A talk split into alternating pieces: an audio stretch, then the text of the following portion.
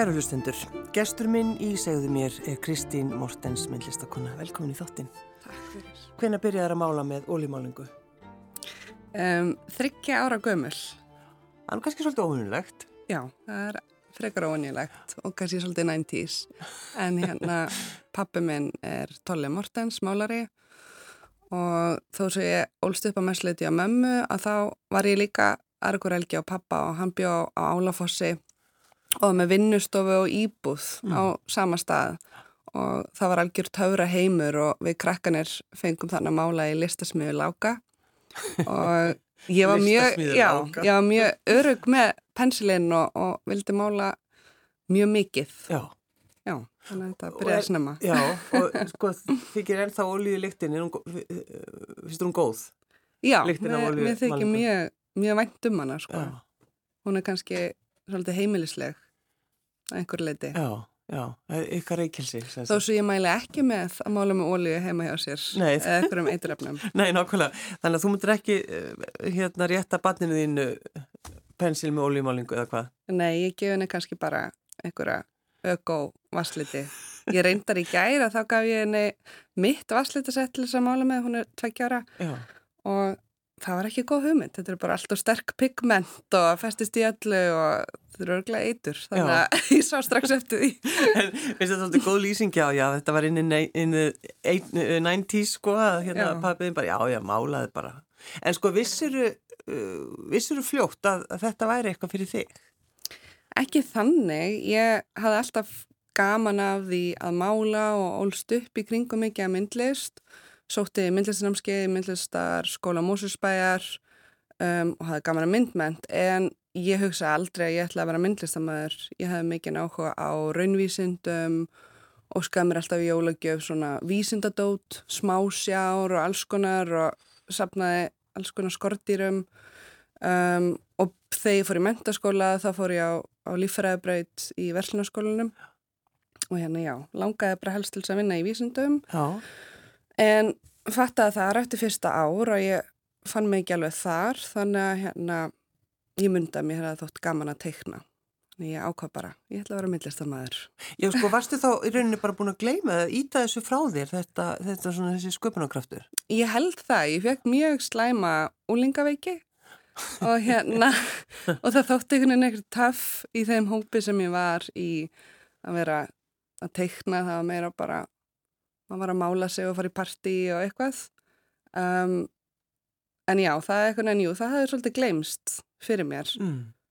og, og rann fyrir mig þarna og, og ég var mjög glöð að ég tók svona skýra ákvörðin með þetta já. og lendi í mjög sterkum hóp árgangi í FB og flestir bara starfandi milstumenn í dag um, og var mjög metnaðafull að, að læra að teikna og leggja þetta allt saman fyrir mér. Um, og ég held að ég sem myndlistamæður hafi rosalega mikið þroskast að þróast á því svona metnaði og að vinna mikið að því að þannig hef ég allavega orðið betri. Mm -hmm. það var ekki það að ég var fætt með náðargáfu eða eitthvað svo leiðis. Þetta er vist vinna. Já. en eh, sko þegar þú búin að vera eitt ár í Vestló og, og fer svo bankur uppi á skólastýrunum og bara ég ætla að hætta ég ætla að fara í FB, sko var fólk hissa þar? Já, já, það var mjög hissa og kannski því að ég var svolítið formuleg og hitt hann á fund og, og hún fannst þetta svolítið skrítið hans af hverju klárar ekki bara Vestló og svo getur þú bara svolítið um listaðarskólan eins og vinnilegt fólk. Já. Og með góða reyngunir og svona en ég sagði bara nei, ég ég vil fara í FB Já. og fara á myndlistabrautina þar um, Jú, hún er fast að svolítið skrítið um, hann er kannski að vara að spá í öðru, öðruvísi hlutum en ég já, já, já, en þetta var örgulega besta ákvörðun ákvörðun sem ég tók mm. Og hvað saði, saði fóröldraðinn Kristín við þessu, þessari ákvörðun? Um, ég, ég kem úr svo mikil, mikill svona hippa listamanna fjölskyldu að ég var reppel að fara í Versló um, þannig að voru allir rosalega gladir ég skildi verið að fara í FB og myndlistabraut en pappi fekk svona smá fyrir hjarta því að hann er má, málari og þegar ég var svona ákveðin og sagði ég ætla að gera þetta Já. að þá sagði hann með mig en Kristín þú veist að þetta er svolítið erfitt og þetta er mjög erfiður bransi og erfið vinna og ég sagði bara já ég ætla bara samt að gera þetta Já. Já. Hver er mammaðinn? Hún er Guðbjörg Tóruðsen, kallar Bauja og hún vann sem leikari heil lengi og var held í fyrsti árgangurinn útskrifast úr uh, leiklisteldinni í, í skólinum um, og síðan í kringum 2000 hættun að leika og þróaði sjálfstyrkingar aðferð sem heitir Baujan sem var byggt á öndun. Öndunartekni sem hann hafa lært í gegnum leiklistina. Og á þessum tíma þá var alltaf lítið um svona þerapíur og sjálfsyrkingu og hugi og líka með var mjög klófin Mm -hmm. þannig hún var alveg frumkvöld þarna sko að, tengja saman líkama og huga og hvernig maður getur raun að veru stjórna allir líðan með öndun já. og hún hefur að vinna við þetta núna í 25-30 ár með aðferðina sinna bæjan. Mm. Þetta er, einmitt alveg rétt hjá þér. Það var ekkit svo voða mikið þegar hún kemur fram með mitt og, og, og, og fólk var bara, hva, um hvað er hún að tala? Já. bara, hvað, hugur og líka mig? Passar þetta? En, en eh, ferð þú inn í eitthvað svona? Ert þú, þú veist, ertu, ertu eitthvað stað þar? Ég held að þetta hafi gefið mér ótrúlega sterk verkfæri til þess að vinna með um, bara í lífinu og, og, hérna, og það er mjög gott að eiga þetta að Mhm. þú veist, sérstaklega kannski veist, eins og í myndlist að það vart að vinna svo sjálfstætt og, og það skiptir miklu máli að, að vera kjarnaður og, og reyna að læra að vinna úr sínum hlutum og, og finna styrkin í sér Mm. þannig að þetta hefur nýst mér mjög vel Já, já. En hvaða leið færðu svo eftir, eftir, eh, eftir bregðaltið, bregðalt? Eftir útskrift að þá fer ég á hérna fyrir í bakbúkaferðalag um Suður-Ameríku með vinkunum minni nannu og það var mjög mótandi fyrir mig. Ég myndi segja að þetta var svolítið svo líðháskóli uh, göttulistar að því að við erum í Amazonborginni Manaus og þarna ég hafði aðeins byrjað að spreja þegar ég var 17 átján en hætti stuttlega eftir og hérna og þarna voru við í Manaus og ég fann lykt að Montana 94 sem að var spreymálningin sem var þá selda á Íslandi og hún var með svona pínu sigurlykt og ég gekk á lyktina Montana 94. 94, Ok. ég held að það er ekki selt lengur Nei, á Íslandi jæja. en hérna gekk á lyktina og þar var uh, graffari að mála með svona hópa á köllum í kringum sig og boombox, þetta var svolítið svona sena Já. Og ég sagði, mér finnst þú vera mjög flottur og þetta er geggja stöf og hann horfði bara á mig og hló að því að ég var svona ljósar gringa í bleik og pilsi og hann sagði, hvað veist þú um það? ég sagði, nú ég graffari sjálf. En ég var það í raun og verið ekki, það er ekkert málað að viti í tvö ár. Og hann sagði, ef þú ert graffari hittu mig þá morgun og málum veg saman ég fór í svolítið kvíakast en, en samþykti þetta. Já, og við málum veg saman og hann talaði ekki ennsku, ég ekki portugalsku og töluðum aðla saman með teikna í sandin og Google Translate en hérna þetta var bara einn stærsti götulistamæður Norður Brasilíu en hvenær vissur það? bara í raun og veru eftir þetta, eftir ég málaði hana með honum. Ég hafði séð verkina, séð yfir alla borgina og þá áttar maður sér svona á því, þú veist, þegar maður sé mikið eftir sama listamannin að þeir séu aktífir og svona. En hérna, en hann segið við mig þarna, segið mig bara uh, hva, í hvað borgir þú ert að fara, ég get kynnti fyrir listamannum í hver einstu borg, ég með tengar og alla Brasilíu. Mm. Og þannig breytist bakbókaferðalagið okkar yfir í bara svona götulistar graffferðalag. Og við ferðumst yfir alla Brasilíu og byggum með guttulistamönnum og máluðum bara tugi veggja, máluðum yfir allt. Og því sunnar sem við fórum og við komum til Rio de Janeiro að þá hérna byggum við hjá graffíti drottningu Brasilíu sem heitir Panmela Castro og byggum hjá hann í þrjár vikur hérna Veitu, hún bara tók á mót ykkur? hún tók bara mót okkur og ég held svolítið svona, þú veist, hún er aktivisti, hún er uh, kemur úr elsta graffiti grúi Rio de Janeiro og er mikill frumkvöld og Hillary Clinton skrifaði um hana í bók sem heit Vital Voices og hún hefur vakið miklu alþjóðlega aðteglega því að hún vinnur sér sagt er með smiðjur fyrir konur sem hafa lengt í heimilisofbeldi Mm. til þess að ebla þeir í gegnum gödulist um, þannig að hún hefur barist mjög ödulega fyrir feminisma og ég held hún hefur bara séð tvær 20 ára stelpur, gringur sem vissi ekki neitt í Brasilíu með brúsana og ég held hún hefur verið að passa upp á okkur Já. Þannig að hún tók okkur að og, og við kynnumst þannig að fólki sem að ég hafi verið að horfa heimildamendur um 17 ára og mér fannst þetta svo merkilegt að hitta ædolinn sín í þessu og hvað heimurinn getur verið tilviljana kentur og svona magnaður. Já. Þannig að þau hafa semst hugsað það er ekki hægt að senda þessa, þessa tvö börn að ferðast um Brasilíu. En aðeins meirum uh, Pamelu Castro, hvað, sko, verkin hennar veist, þannig að það er margir sem þekkjana mm -hmm. eða veist, já, mjög margir já. En við erum kannski ekki hér á Íslandi og mikið svona í göttulista pælingum eða hvað? Um, Nei, og ég veit ekki ég held að hún er alveg klálega hún hefur unnið mjög mikið alþjóðlega mikið í New York en hún er kannski ekki stórstjörnu göttulistamæður utan Brasilíu þannig mm. en bara mjög mikilvægur aktivisti og hún er mjög þekkt í Brasilíu. Og hérna og ég með titti uh, bara fyrir stutti síðan síningastjóra frá nútímalissamninu í Sá Pálo og ég sagði henni að ég hef verið að spreja í Brasilíu og hún sagði mig, sagði, spurði mig hvaða fólk heitiru? Og ég sagði Parmelu Castro, hún sagði ég var að býða eftir að hún myndi segja þetta. Já. Þetta er bara mjög góð vinkona hennar og henni fannst, mér fannst þetta svo ótrúlegt að þetta er svo rosalega stórt land að hitta síðan einhver 12 árum setna og eiga sameinlegan vinn, þú veist, í stúdjónum mín á Íslandi og, og það er einhvern veginn sínum manni hvað, og við tökum selfie og sendum á pannmælu og sínum manni hvað heimurinn er oft svo lítill og tilvíðan kentur og hvað eru oft svona mörg net í gangi sem að tengjast sem að veit ekki endla af fyrir setna. Já. En sko þennan tíma sem, sem þið voruð í, í í Söður Ameríku sko, og þú byrjar að spreja mm -hmm. sko, mannstu verkin sem hún gerðir? Já, ég var að spreja uh, ég var að gera figuratíft Já. og ég gerði svona karaktera það voru mjög svona grömpi andlit, ofta svona þetta voru svolítið svo lítil tröll í raun og veru. Um, litla trölla konur og hérna Já, mér þykir alveg vænt um þessi verk og mikil svona svipbreyði í þeim. Um, en ég hafði aðalega áhuga á teikningunni og miðlinum og ég raun og veru svona ölluð í svona félagslega, þú veist þetta var svo tengt við svona samfélag og annað fólk og, og umhverfið. Mm.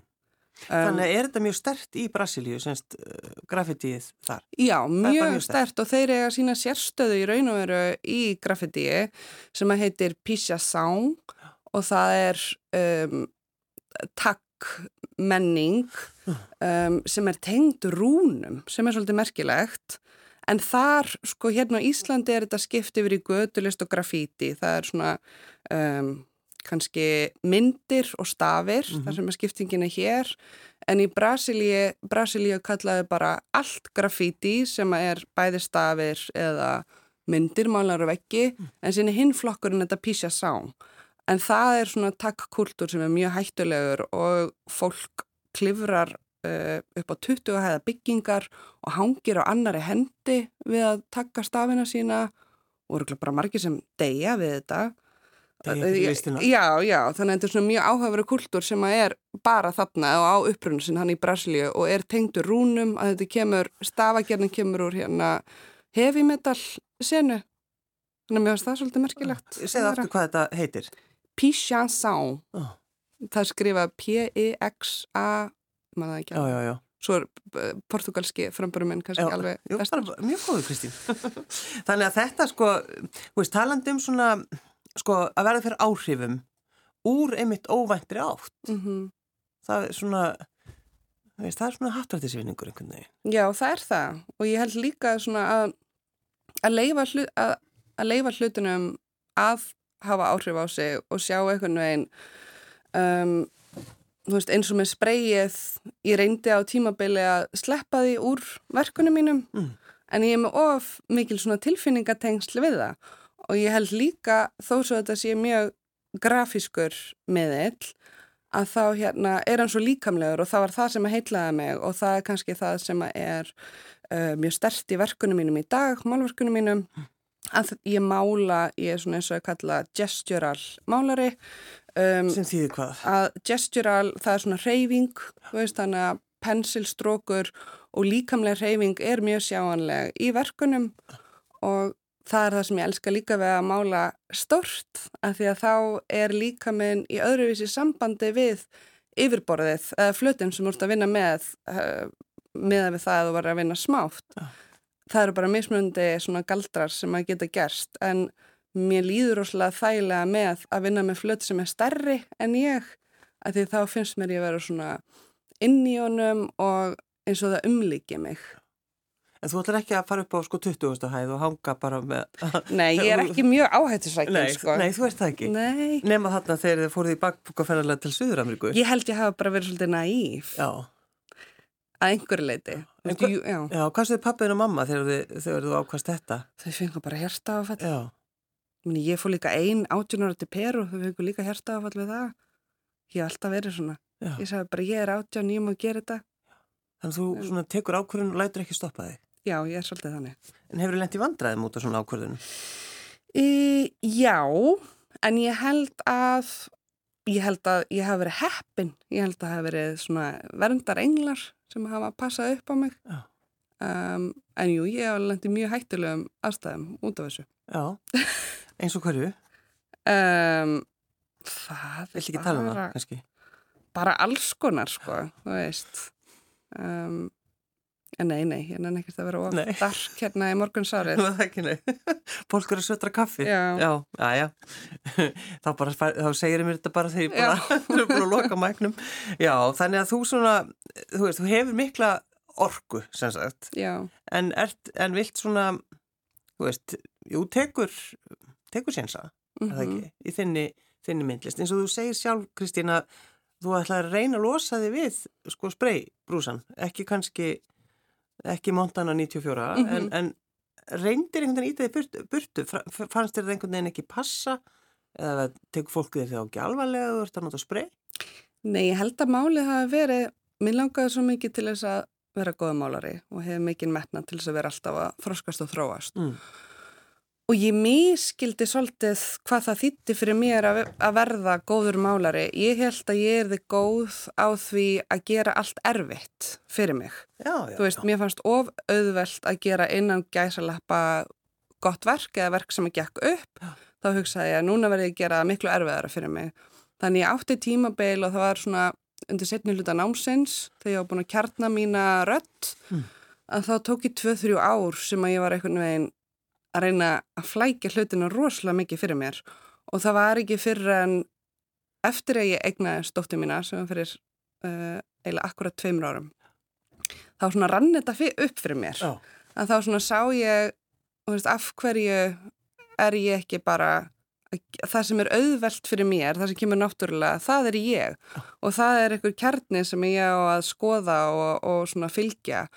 Og ég hef um, verið fókusir á það að kjarna mig, að endur taka mig, þú veist, æfa mig í því, mm. -hmm. að því að ég vildi alltaf svo mikið vera að breytast og hlaupa og eitthvað og hérna mér líður eins og ég hafi lært svo mikið á þessum síðustu tveimur árum og verkin mín hafa orðið heldur mun sterkari að því að það er þá komið svo mikið dýft þau komið með sterkarött og kafar ennfrekar oníana og, og það er líka spennandi við myndlistina að og málverkið að því að tími þetta er allt svo langt, þú gerir kannski eitthvað í 10-15 ár kannski alla æfi Mm -hmm. en þú ert ennþá að læra eða breytingar geta gerst hægar um, og mér finnst líka merkilegt að horfa til svona menning, menningarheima þar sem að uh, tími og svona kraftmannship er handverkur öðruvísi eins og kannski í Japan þar sem að manneskja stútirar, þú veist, að sjóða hinn fullkomnu hrísgrjón í áratögi. Jú, jú. Mér finnst þetta eitthvað sem er mjög merkilegt. eða verða súsi meistari bara í tíu já, ár. Já, Já, já, já. Þarf ekki að, lífið þarf ekki að vera erfitt, Kristín. nei, Nei, einmitt. nákvæmlega, þannig að þú er búin að aukvita það. Já, eiginlega. Það þarf ekki að flækja þetta. Nei. En, en skólininn, í hvað skóla fórstu? Þú varst búinn hér. Ég fór í Oak University í Toronto, Kanada og hérna og tók síðan skiptinám í Chicago í School of uh, Art Institute í Chicago um, og lærði mjög mikið í báðum þessum skólum og hann, ég held að það verið alveg svona meant to be að ég hafi farið þarna út uh, samtíma málverk uh, með þótt mjög spennandi í Norður Ameríku og það var mikið að gerast í Toronto mm. um, já, ég fekk alveg frábæra mentun og, og bjóðarna, ég var ekkert þannig sé á leðinni heim sko, það var svolítið fyrir tilviljun, ég ætlaði að koma bara í stuttaferð og pakkaði leta tösku hann í COVID. En það var COVID ekki byrjað, það kom viku eftir ég kom til Íslands. Þannig að bara heimilið mitt og vinnustofan og allt, það lókuðist landamærin. Já þannig að þú varst bara Ég bara eiginlega innan gæslepa að mista allt eða þú veist, ég erstu bara svolítið að hérna, ég átti ekkert miklar eigur þannig nei, nei. En, en gaf bara það sem ég átti og, og fluttist þá bara til Íslands Þú skildur þau allt eftir Já. og bara þið með bara eiga þetta Já, eiginlega. Ah. En ég bað, að því maður vissi ekkert hvað þetta er því lengi, þetta ástand. Var alveg lokuð í held ég eitt og halvt ár eða eitthvað svo leiðis. Um, og hérna, en ég bað vini mín um að geima, þetta voru svona tvær ferðartöskur af persónulegum hlutum. Já, sem, sem þú vildir eiga? Já. Já, já. Og hvað, ertu búin að fá þessar töskur? Já, ég fekk þær séðan. en þetta var svona, já, bara eitthvað svona persónulegi munir. Já, en sko, langaði aftur út eða ertu bara, ertu bara komin hingað aftur? ég held ég er bara komin hinga, mér líður ótrúlega vel á Íslandi og mér finnst myndlist á Íslandi svo spennandi, það er svo mikil gróska, er svo fallegt svona myndlistar samfélagið um, og mér finnst, já, mjög spennandi að búa einna, mér finnst gott að vera nálagt fjölskyldunum minni en ég er líka spennt fyrir því að í framtíðinni vinna kannski úti, mér, ég hefði mjög gaman að því, þú veist, að halda áfram að vera í sam, samtali við um, stærri og ólík samfélög en hérna en það er mjög gott að búa á Íslandi mm. En sko þessi skóli í Kanada, er, er, þeir, er þetta góðu skóli? Já, hann er mjög góður, hann er mjög stór. Þetta er stærsti listaskólin í Kanada. Mm. um, en ég held með svona mentun veist, eins og málverk samtíma málverk, þetta er þú í raun og veru berður óslega miklu ábyrða á mentunni þinni.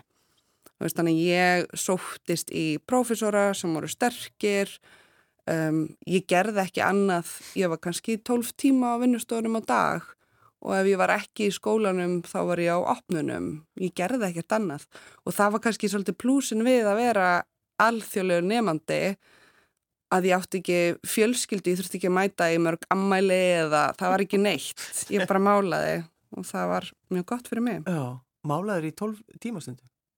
Já, mjög oft. Ég menn maður kannski ekki að mála í tólf tíma, það var að grunna og smíðablindrama og jú, bara mála, Já. mála endalist. Já. Og ég held að ég hafa alveg þurft að því að halda að því að um, myndina sem ég gerir núna, sem eru svolítið svona mitt tungumál, þar eru pínu hrærigrautur af mismöndi tilhörinarstarfsemi sem ég hef unnið og ég þurfti öll þessi ár að eksperimenta svona svaklega mikið um, til þess að finna hvar minn kjarni lág. Mm -hmm. ef, ef maður horfur á málverkiðin Kristín, til dæmis núna sem er, er síningin í listafni Reykjavíkur, sjáum við að þú ert að nota sprey, spreybrúsa? Já, ég held að hérna, það er kannski allir sem kveikja á því, Nei. en það er í öllum verkunum mínum sprey. Það er í öllum verkunum þínu, þannig að þú bara gerir þetta. Já, Já. ég bara gerir þetta, núna eftir fæðingu, þegar ákvæði kjarnast. Já. Og hérna um, já, þá er ég með svona form, lífræn form sem eru svolítið eins og eins og klettar oft eða einhvers konar steinar um, þó er frekar abstrakt mm. en sem ég spreja í myndinar og, og vinn sér með ólju í kringum það. Já, já. En þegar, sko, í Kanada er náttúrulega, þú veist, það eru vött, en það er ekki, sko, þú er ekki verið náttúrulega sjónum. Fannst þér að vond að vera ekki, að hafa ekki sjóin? Já, mér fannst það erfitt. Mér fannst svona, ég fekk pínu innilökunni kent að sjá ekki sjó og fjöll mm. og hérna, og mér leiði svo vatnið að vera svo platt sjór af því að vantaði sjávarlyktina. Bara algjörst gerfi? Já. já. Hérna, já. En svo, svo ferðu náttúrulega þess þarna í, eh, til San Francisco, er það ekki? Nei, hvern, Chicago. Chicago, ég, já. Þá ferður þar í eitthvað skiptinám. Eh, var, þar, hittur þar einhvern sem hafði áhrif á því, einhvern kennara? Uh, já, það voru nokkri kennar þar sem að hérna voru mjög sterkir og ég held líka svona saga málverks í Chicago og myndlistar hafa haft mikil áhrif á mig og ég mér áskotnaðist bók eftir listamannin Molly Zuckerman Hartung sem er hérna málari og hefur kent við Yale, málverðildin þar í mörg ár mm. og hérna hún, svona krafturinn í hennar verkun og nálgun hennar á málverkin hafi mjög mótandi áhrif á mig og síðan var þetta líka bara svo góður skóli, ég valdi hann eiginlega út af því að hann var svo dýr að því þurfti ekki ég ætlaði ekki til Evrópu að því það myndi ég tapa bara á skólagjaldunum þannig ég nýtti mér það að þú veist tók áfanga eins og í svona stafrænum skúltúr og róbota áfangar og eitthvað þar sem að ég var bara að reyna að fá sem mest fyrir skólagjöldin Þetta er mjög, já, bara já. mjög bara þú hugsa alveg rétt mm. uh, Var þá planið að eigna spann, Kristín Mortens? Já, ég hef alltaf vita að mér langaði til þess að eigna spann um, og jú dóttir okkar gunna var alveg plönuð, sko en það er samt alveg stundum þannig þegar maður á svona miklu flakki og eitthvað þá veit maður aldrei hvernig að rétti tíminn fyrir svona. En ég held að veist eins og úti að þá í Toronto og New York og Chicago og þessum borgum að þá þurfa konur að, í myndlist að velja. Ætla ég að vinna eða mhm. ætla ég að egna spatna þá þarf ég að flytja í burtu og þá get ég ekki lengur nefnir þetta. Um, og ég, maður fann það mjög stert úti sko. En hérna svo við í svo allt öðru í samfélagi hér sem að meira svona þú veist fjarlægnar eru minni það er fólkum í fjölskyldunar oft tengda við sig þú veist að hjálpa sér. Og hérna ég held að ég hafi orðið svona tíu svona betri listamæður eftir ég var að mamma að því að þá snýrist lífmitt ekki bara um myndlist Já. Ég held að það hafi kannski aftur að mér að einhverju leiti fyrir áður en ég var mamma að þá hugsaði ekki um annað en myndlist og þá var það bara einhvern veginn að vefjast meira fyrir mér.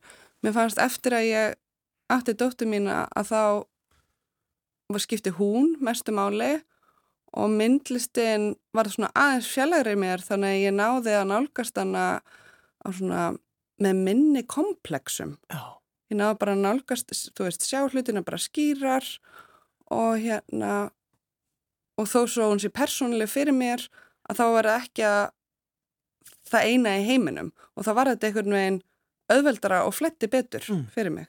En hef, sér maður mun á verkunum þínu, Kristín, fyrir og eftir? Mjög mikinn. Já, maður gerir það? Já, já, mjög mikinn mun þau hérna, ég held líka eftir ég átti mánu að þá hérna þá var ég ekki eins hrætt við fegurð og hérna og svona meiri byrtu og mjúgleika ég var að vinna áður verk sem voru mun þingri og oft í dekkri pallettum og svona grófari. Og ég held að einhverju leiti var ég oft hrætt við að gera eitthvað ofallegt mm. eða væmið eða eitthvað, kannski eitthvað bara svona úlingaveiki sem var hæg að fara úr mér en, en mér leið eins og bara emitt, þú veist, eftir ég átti hana að þá hérna um, minguðu svo margir komplexar og ég gæti bara gert það sem að var ég já. og þannig að þau eru svona, já, svona þjættari og bjartari og kannski aðeins svona mýkur og fallegri. Já, og það má sem sagt, maður ekki óttast það. Nei. Nei, já, það er, það er aldrei skott. En, en sko, hvað er til dæmis framöndin? Ég veit að þú ert náttúrulega með síningu á fleirum. Já. Mjög spennandi síningu. Fullt af er... flottu, flottu listafólki þar. Já, við erum 15 að sína og hérna, og þetta er ótrúlega fjölbreyttur hópur af listamönnum. Um, mikil tilraunar starfsemi í miðlum og efnum og hérna og listasafnið ákvað að hafa þessa síningu svona með öðru sniði vegna þess að það er núna búin að vera 50 síningar í DSL Listamannars uh, Reykjavíkur og þess vegna ákvaða núna að hafa stærri síningu, þetta er öll önnurhæðin í Hafnarhúsinu og það gefur líka listamannum öðruvísi tækifæri, þú veist að þetta eru uh, að því að díasalurinn er mjög ákveði rými mm. í arkitektúr og, og sniði. Þannig að þú veist eins og ég, ég hef ekki getað unni þessi verk sem ég er með inn í díasalinn og svo er líka svo gaman að vera í allir síði samtali. Og þú veist að þetta er einhvern veginn svona þverskurður af einhverju flóru og listamannum sem eru svona í að bregðast við uh, tækni tæk, í samtímanum og svona fjöldaframleiðslu, einsleika, um, gerfegreind og verkin á síningunni þó svo eru mjög ólík en þá er rauðið þráðurinn svona handverk, uh, frásagnar, hefð og arfleið, uh, hefð einstaklingsbundna og svona þessi manneskjulegir þættir í lífinu mm. og hann og mér finnst það eitthvað sem er mjög fallegt við þessa síningu og því að þó svo að sumverkin, sumverkana eru robotar og gerfegreind en þá er það gert á máta sem er líka svona mjög hérna, er í svo miklu tengingu við líkamann og manneskjuna og síðan eru það, og dæmum svoleiðisverk eru eins og eftir Þórð Hans og, og Hákon Braga. Og svo eru verk eftir til dæmis Nínu Óskarsdóttir sem er að vinna með keramik skultúra og hún er að blanda glerjung úr náttúrunni bara hérna á Íslandi sem hún finnur. Veist, þetta er einhvern veginn svona svo eldgömul tækni. Þetta er allt svo gamalt en samt í svo miklu en í samtali við samtíman og gert á nýjan hátt. Og ég hugsa sé líka þannig að vera að mála árið 2024 þetta er allt svo gamalt en samt er verið að taka inn þessa hluti og, hana, og mér finnst flæðið þess vegna í síningunni að vera mjög einstakt og fallegt að því að verkin eru eru svo ólík en samt er svo sterkur svona þráður mm. og grunnur á millið þeirra En hvað er þá framöndan þegar að eftir þetta Kristín? Um, hvað er það að gera? Ég ver, er núna að byrja að undurbúa síningar sem verða í byrjun haust, lók ágúst. Um, í lók ágúst er ég með tveggjumannasíningu með kanadískum listamanni sem heitir Scott Everingham og hann var prófessorum minn í Kanada og pínu svona uh, læri mistari minn þegar ég var að byrja í náminu. Og hérna við eigum mjög svona stert málara samband, svona málara tengingu. Mm.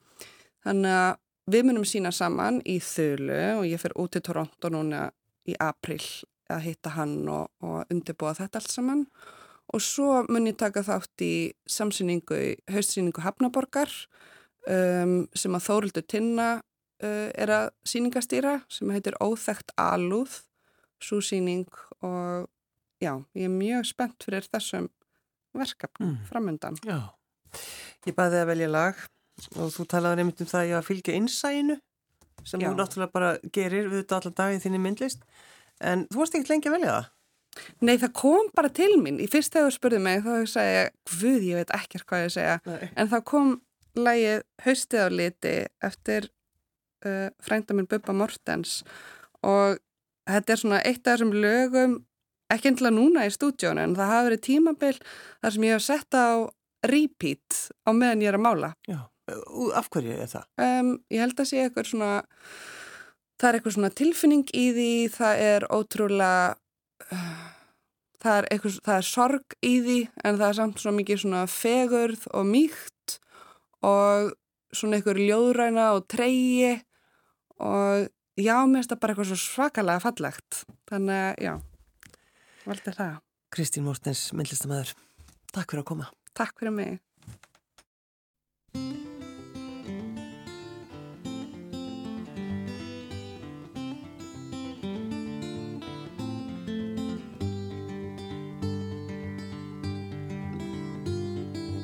Haustið á líti sem málverk haf ekki Leggjast á sálin að færa þig í leggi Rakir, lítir svo dökkir og djúpir. Stundum svo harðir, stundum svo mjúkir. Jöskrin í nóftina svarið er bergmál. Fastar hún kvistlar í augum loga bál Mjúkar varir færa mér frið. Tíminn þar á eftir aðeins falleg byggð Í öruggu skjóli milli tvekja handa. Ég hjúra mig dýbra þar til ég hægt að anda. Týni mér í lífni, skinja ekki neitt hjartslátt okkar bekkja sem rennur í eitt.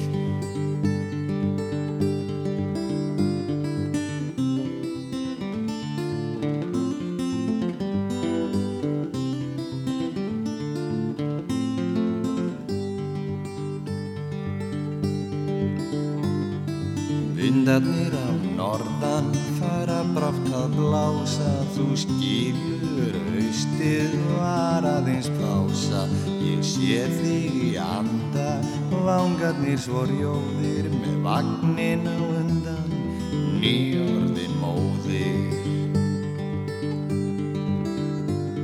Ég vona veturinn verði þér góður Þegar gullið þitt sefur, blásan hljóður.